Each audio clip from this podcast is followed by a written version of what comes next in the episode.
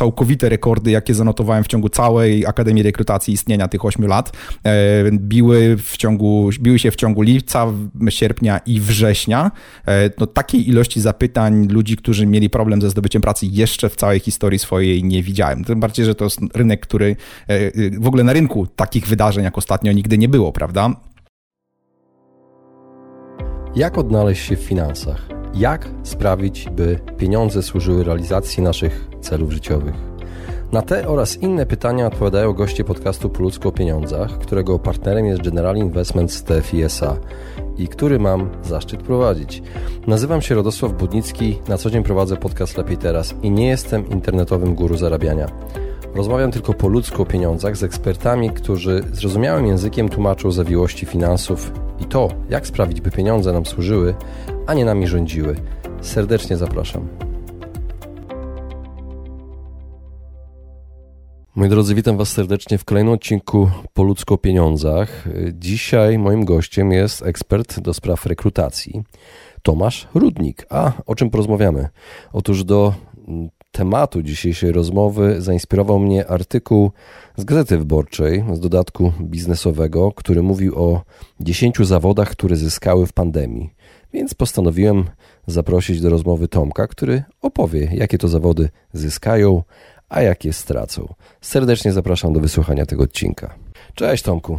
Cześć Radku. Witam cię serdecznie w kolejnym odcinku Po ludzko o pieniądzach. Byłeś już naszym gościem wcześniej, ale tym razem chciałbym z tobą porozmawiać, ponieważ do tematu skłoniła mnie lektura artykułu, właściwie artykułu, który powstał po raporcie z rynku pracy w 2020 roku. Artykuł z wyborczej, biznes wyborcza, który mówi o 10 zawodach, które zyskały na pandemii. Nie chcę tutaj cytować tego artykułu, na pewno go czytałeś. Jakbyś mógł na początek przedstawić się osobom, które jeszcze Ciebie nie znają, dopiero trafiły na ten odcinek. Kim jesteś i czym na co dzień zajmujesz się zawodowo? Jasne. Y, w dużym skrócie, od 2012 roku prowadzę Akademię Rekrutacji. Jest to serwis, który uczy kandydatów, jak szybko zdobyć nową pracę.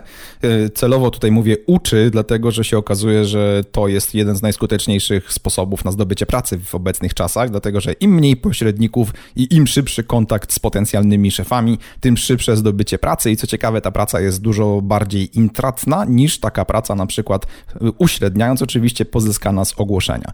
Dlatego szczególnie w tych czasach właśnie pandemicznych, które mamy teraz, y, umiejętności docierania do, do pracodawców bezpośrednio no, no są w cenie, bo widzę po prostu od, po raportach, które dostaję od y, kandydatów, klientów, y, jak zadowoleni są, kiedy właśnie pracę dostali, pomimo tego, że cały rynek ma trudności i tak dalej, i tak dalej. Także tyle w skrócie, ktoś będzie chciał, to zajrzy na stronę moją, natomiast ogólnie rzecz biorąc, uczę ludzi, jak podwyższyć skuteczność zdobywania pracy. Czyli strona Akademia Rekrutacji, tak? Tak, akademiarekrutacji.pl, to już tam wszystkie informacje się znajdzie. E, Tomku, ty nawet przedstawiając się już dałeś radę potencjalnym, potencjalnym poszukującym pracy Jasne. lub e, awansu ewentualnie. Tak. Jak zmieniła się twoja praca przez pandemię, powiedz? Tak, y, ciekawostki, bo to nastąpiło falami. E, w ciągu ostatnich paru miesięcy dało się zauważyć no, bardzo wyraźne y, zachowania kandydatów, bo w momencie, w którym na przykład w marcu wszyscy nabrali oddechu w oczekiwaniu na to, co się wydarzy, no to też automatycznie jakby spadł ruch, jeśli chodzi o ludzi, którzy się odzywali do mnie z prośbą o pomoc. Natomiast rekordy, całkowite rekordy, jakie zanotowałem w ciągu całej Akademii Rekrutacji istnienia tych 8 lat, e, biły, w ciągu, biły się w ciągu lipca, sierpnia i września. E, no, takiej ilości zapytań ludzi, którzy mieli problem ze zdobyciem pracy jeszcze w całej historii swojej nie widziałem. Tym bardziej, że to jest rynek, który e, w ogóle na rynku takich wydarzeń jak ostatnio nigdy nie było, prawda? Więc to jest jakby wyznacznik tego, jak kandydaci są zagubieni. To, co widzę teraz, to jest kolejny oddech, bo dwa tygodnie raptem temu wprowadzono obostrzenia nowe, prawda? Więc y, jesteśmy w tej nowej rzeczywistości. No i jakby będzie prawdopodobnie bardzo wyraźna powtórka z rozrywki, czyli właśnie z y, czasu czerwca, lipca, sierpnia, września. A czy widzisz jakąś korelację z zapytaniami, korelację z wiadomościami na przykład, czy jest ogłoszony lockdown, albo że ogłoszono, że Pfizer tam z biotechem wymyślili szczepionkę i tak dalej. Wiesz o co chodzi? Mhm. Wiesz co, widzę korelację z wiadomościami z newsów, z tym, co się dzieje na rynku, bo śledzę raporty miesiąc do miesiąca na temat tego, jak wzrasta czy się zmniejsza ilość ogłoszeń, w jakich sektorach, w jakich branżach. To dla mnie to jest szczególnie ważna informacja i wciąż mamy naprawdę niewesołą, informa- niewesołą sytuację, bo okej, okay, może nie jest tak, jak było na przykład w marcu i kwietniu, gdzie ilość ogłoszeń spadła rok do roku o 50%, prawda, dla, dla kandydatów. Teraz jest minus 20, ale to i tak jest przerażająco niska ilość w porównaniu z tym, co zazwyczaj kandydaci mieli do dyspozycji. Poza tym też, y, jak by się chciało zagłębić w stronę konkretnych już specjalizacji zawodów, myślę, że o tym później pogadamy, to też widać y, bardzo mocne zróżnicowanie, bo część branż zyskuje, część branż traci, no i kandydaci, którzy tego nie śledzili na bieżąco, mają prawo się czuć totalnie zagubieni, tak? Bo załóżmy, że ktoś pochodzi z gastronomii, która teraz leży i kwiczy e, i co on ma ze swoimi umiejętnościami zrobić? Okazuje się, że wyjścia są, tak? Także widać bardzo wyraźne te korelacje pomiędzy tym, co powiedzą w tubie medialnej, tudzież jakie informacje przyjdą ze świata na temat y, mikroba, który nas tutaj wszystkich dotyka i co, jak to się odzwierciedla później na rynku pracy w kontekście czy to ogłoszeń, czy, czy w ogóle zapytań kandydatów. Mhm. Powiedziałeś o gastronomii, a jak wygląda w ogóle teraz rynek pracy? Wiesz co, y, to co powiedziałem, że 20% mniej ogłoszeń, to jest jakby wstęp do, do tego wszystkiego. Poza tym, jak się rozmawia z ludźmi, a właśnie, bo o tym też nie wspomniałem, e, pewnym symptomem tego, co się później działo na rynku pracy, był ruch w, w części zwanej restrukturyzacjami, czyli są specjaliści, którzy na przykład, kiedy firma chce pozbyć się pracowników, zwolnić nadmiar, przyjeżdżają, wyceniają, e, kogo zwolnić, e, z jakich poziomów i tak dalej, tak dalej, żeby uzdrowić sytuację finansową. I to się działo przed y, falą zwolnień y, z kwietnia, maja, czerwca, y, lipca w sumie też. I teraz od dwóch tygodni widać ponowny, ponowną aktywność, w sensie, że firmy się odzywają do tychże specjalistów, czyli krótko mówiąc, teraz są pisane scenariusze dotyczące zwolnień. Tyle, że różnica jest taka, że w marcu, kiedy oni przygotowywali się do zwolnień, to to można określić, to była dla firm taka liposukcja, bo pamiętajmy, co się działo przed pandemią. To były e, fale wzrostów wszelakich bardzo wysokich i wiele firm na przykład e, zatrudniało ludzi nie, nieco na wyrost, więc trzeba było tę nadmiarową tkankę, że tak powiem, usunąć po to, żeby uzdrowić sytuację i to była, tak jak wspomniałem, taka liposukcja. Natomiast to, co teraz się szykuje na rynku, to można powiedzieć wprost, że to będzie po prostu amputacja amputacja, czyli będzie odcięcie części gałęzi danej firmy, które mogłyby ją perspektywicznie pociągnąć na dół. I teraz może być też taka sytuacja, że jest bardzo prawdopodobna, że nawet specjaliści cenieni, którzy wcześniej byli zostawieni, nawet jeżeli, nawet jeżeli byli drodzy, y, będą teraz też zwalniani w ramach tychże właśnie restrukturyzacji. Także te problemy z, z pierwszego lockdownu, y, po których wiele firm, wiele branż przyklęknęło, teraz po prostu się będą pogłębiać, bo te firmy nawet nie miały kiedy złapać złapać ponownego po prostu oddechu, tak? A, a ekonomii nie oszukamy. Jeżeli ktoś przez szereg miesięcy tracił, potem odrobinkę y, się rozluźniło, a teraz znowu mamy obostrzenia dla biznesu, no to jakby matematyka mówi nam wprost, tak, że, że część firm będzie musiała bardzo mocno się albo przebranżowić, zrestrukturyzować, ale efekt tego będzie jeden. Będą się pozbywać po prostu części e, załogi, prawda? E, no i na tym tle jest jakby cały przegląd branż i stanowisk, właśnie tak jak wspomniałem, które e, część z nich rośnie, tak, jakieś zatrudnienie, ale część już albo zwalnia, albo za chwilkę dopiero będzie zwalniać. Mhm. No dobrze, no to powiedz w takim razie, które branże rekrutują, a które zwalniają? Wiesz co, y, tak, pierwsza sprawa, jeśli chodzi o to, które rekrutują, no to pewnie nie będzie tajemnicą dla ludzi, że jest to przede wszystkim e-commerce i IT, dlatego że na hura teraz kto może tylko, która firma może, to przerzuca do online'owej sfery całą, całą jakby przestrzeń kontaktu z klientami, czyli po, począwszy od samego startu, czyli sprzedaż, marketing, y, poza tym y, obsługa klienta, reklamacje i tak dalej, i tak dalej, czyli cały ten ciąg kontaktu z klientem jest przerzucany do, do online'owej sfery. Do, a kto jest do tego potrzebny? No ludzie, którzy jakby od tej cyfrowej strony y, to po prostu zrobią. Te projekty już się zaczęły właściwie w kwietniu, część z nich się zakończyła, ale część jeszcze nowych będzie y, tworzonych. Także to jest to. Kolejna rzecz, y, wszystkie, że tak powiem, sfery związane z analityką, bo pandemia zastała firmy, niektóre nawet mówiąc wprost, trochę z ręką w nocniku, bo nie bardzo wiedzieli, jak się na tym odnaleźć, więc była potrzebna pogłębiona analityka, co się wydarzyło wydarzyło w liczbach już konkretnie i w związku z tym, jakie decyzje strategiczne należy dalej, dalej podjąć. Nie? E, kolejna też w sumie nie tajemnica, czyli cała branża kurierska i transportowa i magazyny, no bo skoro ludzie siedzą w domach albo nie mogą chodzić do galerii, nie, więc zamawiają zakupy swoje online coraz częściej, no to te sfery będą y, już właściwie rosną. Kolejna, czyli na przykład BHP, bo istotne jest to, że trochę się zmieniło pojęcie bezpieczeństwa pracy, prawda? Już teraz nie możemy siedzieć łokieć w łokieć ze współpracownikiem, nawet jeżeli jest możliwość chodzenia do firm, e, to, to się zmienia i w związku z tym specjaliści od BHP teraz też są coraz bardziej cenieni.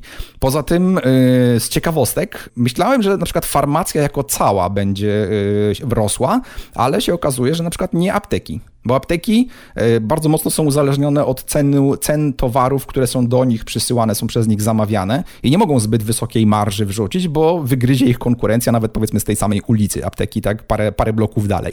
Także e, to, to jest pewnego rodzaju ciekawostka. Natomiast te, które tracą, no to na przykład zaskoczeniem dla mnie było to, że branża HR-owa, czy jakby sektor HR-owy jest dużo, dużo mniej ogłoszeń. Podobnie prawnicy, e, częściowo marketing, sprzedaż, ale to w tej sferze offline'owej, prawda, bo wszystko się do, do cyfrowej przerzuca. E, teraz mamy w, w roku, w tym w październiku, listopadzie mniej ofert jest dla branży fizycznej, mimo że na przykład w wakacje było ich więcej. No i wiadomo, te branże, które totalnie już padają, czyli eventy, gastronomia, fitness, hotele, galerie handlowe, transport, ale transport osób, bo mniej ludzi podróżuje, prawda? Szkoły prywatne, szkoły językowe, no i kultura, która też leży i kwiczy, no bo nie ma gdzie chodzić, nie ma gdzie wydawać pieniędzy na bilety, na spektakle czy na koncerty, prawda? Więc to jest taki przegląd tego, co ja obserwuję i, i, co się dzieje, i to też w tym momencie można z tego wyciągnąć predykcję, co będzie dalej, prawda? Zaskoczyły mnie apteki, ale też zaskoczyli mnie prawnicy, bo wydawało mi się, że w czasie lockdownu, e, pierwszej fali, drugiej fali teraz będzie więcej rozwodów i było więcej rozwodów. Więc... nie wiem, nie wiem. Nie no. Wiesz co, być może ci istniejący mają więcej roboty, natomiast tutaj się opieram o zapotrzebowanie, prawda? Jest ewidentnie mniej ogłoszeń, jeśli chodzi o prawników. E, poczekaj, może znajdę nawet informacje w międzyczasie. Dobra, jakby zostawmy to, jak, jak podejdzie mi pod rękę, to, to opowiem. Natomiast po prostu jest mniej ogłoszeń dla, dla tego sektora. Z czego to wynika, jeszcze tego nie rozumiem na razie razie możemy tylko mówić o, o liczbach. No dobrze, no to porozmawiajmy o tym, co może się wydarzyć, bo zastanawiam się, ty jesteś ekspertem, możesz mi powiedzieć, czy specjaliści od rynku pracy prognozują, jak daleko prognozują? Czy oni biorą pod uwagę na przykład to, że będzie szczepionka powiedzmy w styczniu, latem już się tego pozbędziemy, a na jesień, za rok już będzie można normalnie żyć. Czy według tego jakoś się prognozuje? Co się wydarzy? Wiesz co, mam pra...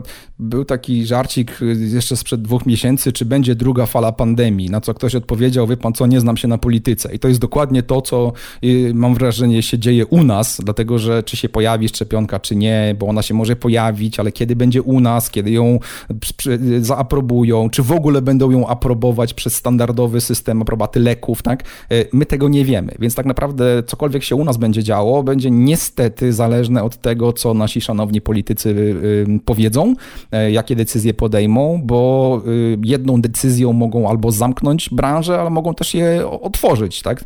Teraz y, mówi się o tym, że na przykład na powrót będą otwierać branżę meblową, bo stwierdzili, że to jednak jest ważna gałąź y, sektora rynkowego, a wcześniej zamknęli to na hura razem z siłowniami, prawda? Więc jakby te decyzje są niezrozumiałe, więc mam wrażenie, że predykcje oparte o to, czy będzie szczepionka, czy nie, to jest trochę wrożenie z fusów.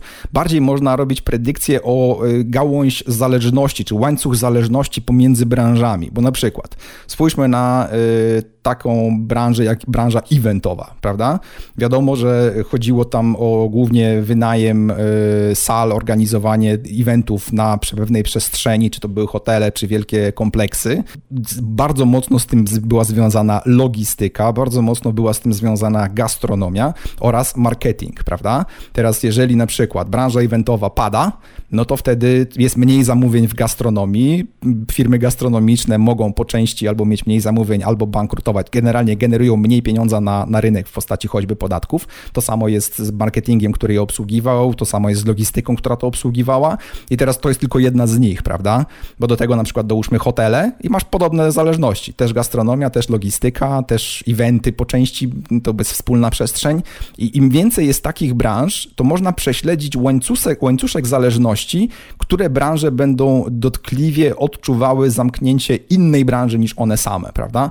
Więc... Yy, można właśnie na, tej samym, na, tym samym, e, na tej samej logice bazując, e, można przewidywać dalsze wzrosty w IT, dalsze wzrosty w call center, obsłudze klienta online, w e-commerce, prawda? E, w kurierce, z BHP, nie wiem, myślę, że ten rynek się wysyci. Finansiści też są coraz częściej poszukiwani, no bo ktoś musi te straty firmowe policzyć i policzyć je dobrze, tak, żeby potem nie było problemów z, z akcjonariuszami czy właścicielami firm. Także mam wrażenie, że tylko w ten sposób można pewne w miarę sensowne predykcje zrobić. E, już sobie tak e, powiem, e, ja pewne predykcje dawałem w marcu, kwietniu i czerwcu w sumie też na temat tego, co się wydarzy. I trochę się czuję jak taka Kassandra, która przewidziała chyba upadek Troi. Dobrze pamiętam? To była Kassandra? Nie pamiętam, nie pamiętam. Okej, okay, do sprawdzenia. Chodzi o to, że oni nie słuchali jakiego, jakiejś wróżki czy, czy wyrocz, wyroczni.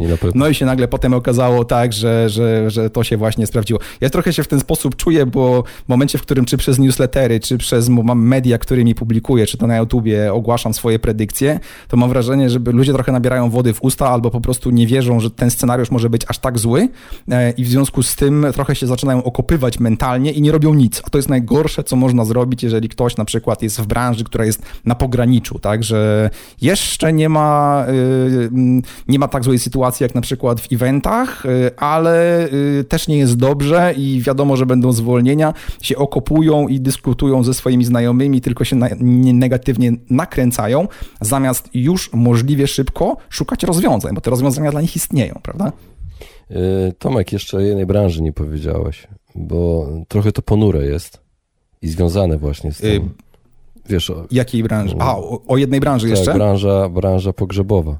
E, wiesz co, akurat stamtąd nie mam predykcji, bo to mam sprzeczne dosyć informacje, bo jakiś czas temu była mowa o utrzymującej się liczbie zgonów, teraz, a nawet momentami mniejszej, e, potem e, teraz jest trochę wzrost, więc trochę wzrost, trochę bardzo tak naprawdę, natomiast to jeszcze też trzeba skorelować z innymi przyczynami, natomiast tego akurat się nie dotykałem, więc nie mam ekspertyzy no, ale w ogóle to jest, żadnej, żadnego to jest taka wyczucia. Rzecz, akurat teraz, kiedy zacząłeś tak wymieniać, przyszło mi do głowy, pomyślałem sobie, to jest taki moment ciężki, że takie sytuacje też, y, takie branże też wchodzą w rolę. No nie jest, jest to bardzo trudny temat w każdym razie, bardzo trudny temat. Żeby... Jest to trudny i wiesz co, bardzo dobrego słowa użyłeś, że jest to temat ciężki, dlatego że zauważyłem takie, to jest ludzkie bardzo, że w momencie, w którym mamy styczność z sytuacjami trudnymi, ciężkimi i tak dalej, to nam bardzo mocno zawęża pole widzenia i y, czasami przez to potrafimy czekać, czy to zawodowo, czy w innych sferach życia, potrafimy czekać do momentu, aż już, jest, aż już jest za późno, prawda? E, I, I to jest właściwie, tak z moich analiz, jak patrzę i, i z doświadczeń, to jest najlepszy moment, żeby właśnie te emocje, jakiekolwiek by one były, odsunąć totalnie na bok i spojrzeć na brutalny nawet obraz rzeczywistości, jak to wygląda i w związku, żeby się nie karmić nadziejami, prawda? Bo jak to mówią, nadzieja jest matką głupich czasami, e, to jest jedno z powiedzeń, jest jeszcze ich dużo, natomiast e, to jest bardzo zły doradca, żeby się nie karmić właśnie nadziejami, bo jeżeli ktoś, załóżmy, jest w branży, która e, właśnie jest na pograniczu, tak jak wspomniałem, no to nie ma co liczyć, że ten lockdown, który będzie miał echo trwające jeszcze przez wiele miesięcy, lockdown dla biznesu, tak, bo my, my nie, nie, musimy siedzieć jeszcze w domu, trudno jakby predykcję mieć, że to szybko się podniesie. W związku z tym decyzje o choćby nawet podjęciu rozmów z innymi pracodawcami z innych branż, to są y, sytuacje, które trzeba zrobić już teraz, bo nawet okej, okay, nie, nie musi człowiek teraz zmieniać pracy, ale wystarczy, że porozmawia, że go poznają, czyli ten ukryty rynek pracy zostanie ruszony, prawda? Bo z ogłoszeniami jest teraz taki problem, że są coraz gorsze oferty w tych ogłoszeniach, coraz mniej intratne, a coraz więcej ciekawych kandydaci zdobywają przez ten ukryty rynek pracy, czyli docierając bezpośrednio do potencjalnego szefa przez swoje relacje, rekomendacje, a je trzeba przede wszystkim nawiązać, albo ewentualnie pielęgnować te stare. Nie? Także wiesz, to, to jest z jednej strony delikatna sfera, ale z drugiej wręcz brutalna yy, i trudno jest, trudno się w ogóle do niej obrócić plecami, żeby coś cię nie kopnęło w cztery litery w pewnym momencie. Mhm. No ale te zmiany wymuszają zmianę branży u części osób. Tak. No, rozmawialiśmy przed, y, przed rozmową, przed wywiadem, rozmawialiśmy o tym, że jakiś znany aktor y, podobno musi jeździć na, na Uberze, tak, dostarczać y, też mhm. jedzenie. Mm, ale czy taka, czy taka zmiana branży jest wykonalna? Jak to zrobić? Tak, tak, wiesz co, to jest temat, który jest w ogóle arcyciekawym, dlatego że w percepcji kandydatów, z którymi rozmawiam, którzy na przykład spędzili ostatnich parę lat na stanowisku i, i, się nie interesowali, co jest poza ich biurkiem albo poza ich firmą, e, dla nich w ogóle przekwalifikowanie się to jest misja straczeńcza, tak jakby to miało spowodować na, dla nich wielkie ryzyka. A okazuje się, że rozsądnie zaplanowany proces przekwalifikowania jest wykonalny nawet w sensownie krótkim czasie. Bo jakie jest tutaj sedno? Jest załóżmy ktoś pracuje w firmie z danej branży, na razie nie będę nazywał branż i chce się przenieść do branży pokrewnej, która jest no blisko dosyć tego, co dotychczas robił. No to na 100% są umiejętności, które y, może przetransponować, trochę przetransportować, przesadzić na nowy grunt. Nie wszystkie oczywiście, bo to nie będzie możliwe możliwe, ale przynajmniej te część umiejętności będą podstawą do tego, żeby ktoś go chciał zatrudnić, bo z jego, z jego pracy tejże właśnie przesadzonej firma nowa będzie miała konkretne zyski sankcjonujące to, że można go zatrudnić, wdrożyć. E, wszyscy rozumieją sytuację, że z pewnych branż jest ewakuacja. W związku z tym to jest proces do zrobienia i to nie jest wcale nic skomplikowanego, tylko jest jedna rzecz. Ten proces jest nieco dłuższy niż takie proste wyślij maila w odpowiedzi na ogłoszenie, które widzisz w internecie i albo się do ciebie odezwą, albo nie. Tu jest troszeczkę więcej zmiennych, ale to też nie jest nic skomplikowanego. Po prostu no, logika, która za tym stoi, jest na poziomie sześciolatka. No proste związki przyczynowo-skutkowe, tyle, że to jest coś nowego. I dlatego się ludzie tego boją, ale jest to wykonalne i właściwie wykonalne jest to dla wszystkich, tak? Tylko właśnie trzeba to rozplanować. To, to jest z jednej strony smutne, że ludzie w ten sposób do tego podchodzą, z drugiej strony ci, którzy się pozbędą tego ograniczającego myślenia, że, że to jest coś strasznego, strasznego, nagle się okazuje, że wypływają na zupełnie nowe wody. I choćby nawet, słuchaj, przykład z ostatniego czwartku, kiedy dostałem raport od kandydata, który e, przekwalifikował się w trakcie pandemii do branży IT, jest tam teraz człowiekiem od sprzedaży, wdraża się bardzo szybko i, i on to zrobił wręcz koncertowo, prawda? I tyle tylko, że właśnie przewidział, zrobił, e, pewne ruchy po prostu wykonał. No właśnie, branża IT. Żeby zostać programistą potrzeba od pół roku do roku nauki. Y, zupełnie nowego stylu mhm. pracy. Czy jest sens iść tak. w tym kierunku? Wiesz co, y, właśnie jeśli chodzi o programistę, niekoniecznie, dlatego że właśnie tak jak wspomniałeś, pół roku nauki nie mają ludzie tego czasu. Ale pamiętajmy, że firmy IT to nie tylko programiści zaopatrzenie, logistyka, sprzedaż, e, obsługa posprzedażowa, reklamacje, zarządzanie, zarządzanie projektami, zarządzanie produktem i tak dalej. Jest cała seria stanowisk, które jest do obsadzenia bez problemu dla ludzi z innych branż e, w sektorze IT po pewnym wdrożeniu, prawda? I, I, coraz częściej właśnie słyszę historię, że ktoś przeszedł do IT na stanowisko nieprogramistyczne, zarabia bardzo dobrze, widzi, odnajduje się w rozwojowej, że tak powiem, atmosferze i staje się cenionym pracownikiem, mimo że, i tu ciekawostka, w firmie dotychczasowej, z której zwolniono go na przykład, był czy to pomiatany, tak, czy, czy były niefajne relacje, a to się okazuje, że sektor IT z otwartymi rękami, że są sensownie myślący ludzie i na, na przyszłość niemalże, nawet w tych trudnych czasach, więc, więc to widzicie, tak są takie górki, dołki, zależy gdzie spojrzysz. Z jednej strony jest dramat, z drugiej strony nadzieje i wielkie sukcesy i, i nic nie jest jednakowe. To jest niesamowite.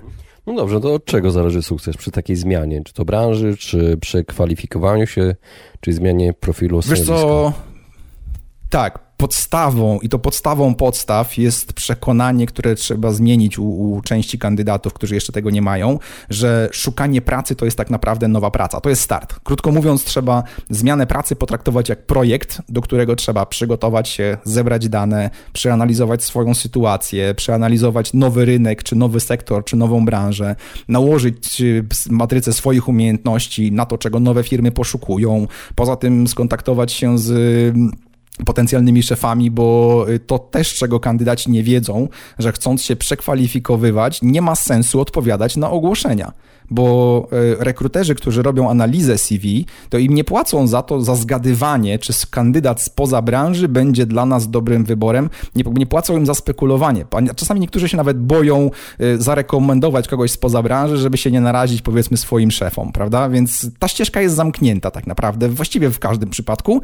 Natomiast to, co się sprawdza bardzo dobrze i, i okazuje się, że y, potencjalni szefowie łaskawie bardzo na to patrzą, to jest kiedy kandydat kandydat się e, właśnie przez ukryty rynek pracy do nich odezwie i całą tę przygotowaną argumentację wcześniej potrafi mu przekazać temu potencjalnemu szefowi z podkreśleniem, że będzie opłacalne zatrudnienie go.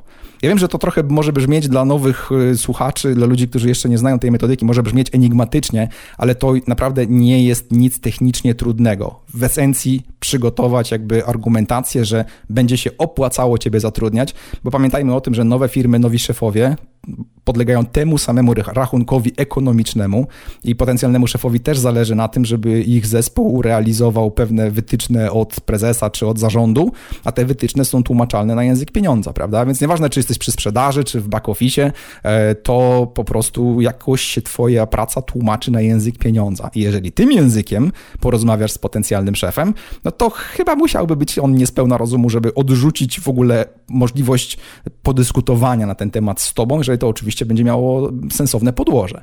Także to są, to są takie kluczowe kryteria. No dobrze, a od czego zacząć, żeby nie stracić za dużo czasu, no nie wiem, albo nie zużyć pieniędzy, które się odłożyło. Właśnie, chciałem Ci zadać mhm. jeszcze pytanie na temat pieniędzy, które mm, Jaką poduszkę finansową sugerowałbyś na okres bez pracy w dzisiejszych warunkach rynku pracy? Bo to się zmienia, pomyślam się. To, odpowiem przewrotnie. To zależy, czy kandydat jest przeszkolony w szukaniu pracy, czy nie. Bo pamiętajmy o tym, że szukanie pracy, zdobywanie jej właściwie, to jest nowa umiejętność w tych czasach teraz, e, bo się rynek pracy mocno posegmentował i to już się staje trochę specjalistyczna wiedza. E, więc jeżeli ktoś się w ogóle nigdy nie szkolił, no to półroczną pensję powinien sobie zachować na koncie. A jeżeli ktoś się szkolił w tym temacie i się w miarę płynnie umie poruszać po rynku pracy, to dwa, no trzy miesiące tak już naprawdę górką. Bo to, to wszystko zależy tak naprawdę od umiejętności. Bo tak, jeżeli ktoś jest niewyszkolony w temacie, to, to chwyta się metod, które zna sprzed 5-10 lat, czyli co? Głównie ogłoszenia, bądź zapytanie się znajomych, e, cześć, słuchaj, szukam pracy, jakbyś coś słyszał, co mi, to mi powiedz. Tak? I to nie działa. E, tutaj trzeba bardzo mocno zbriefować osoby, które mają cię polecić, e, czego szukasz, jakich stanowisk, w jakich firmach i jeszcze z jakimi ludźmi trzeba cię skontaktować. Jeżeli tak precyzyjnie się podchodzi do tematu, to naprawdę nawet przy przekwalifikowaniu się e, zmiana pracy jest szybka. To ten ostatni klient z czwartku, o którym mówiłem, e, to jemu to zajęło 6 tygodni, ale to tylko dlatego, że się naprawdę rozglądał. To nie było tak, że on miał ciśnienie na zmianę, bo on spokojnie mógłby jeszcze pracować w dotychczasowej firmie, tylko po prostu chciał wybrać dobrze. Nie? No i na tym tle porozglądał się, zajęło mu to 6 tygodni, półtora miesiąca. To nie jest długo, naprawdę.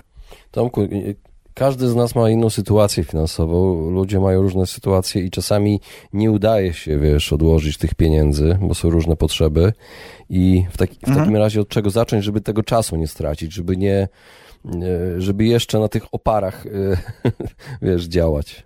Co robić? Jasne. Wiesz co, są tu, są tu dwie zmienne krytyczne. Mianowicie jedna, o której już wspomniałem, czyli przygotować terytorium, yy, czyli nowe firmy, do których chciałbyś się, chciałoby się aplikować oraz te uzasadnienia, dlaczego tym firmom to się będzie opłacało. To jest podstawa podstaw, bez tego się reszta nie uda.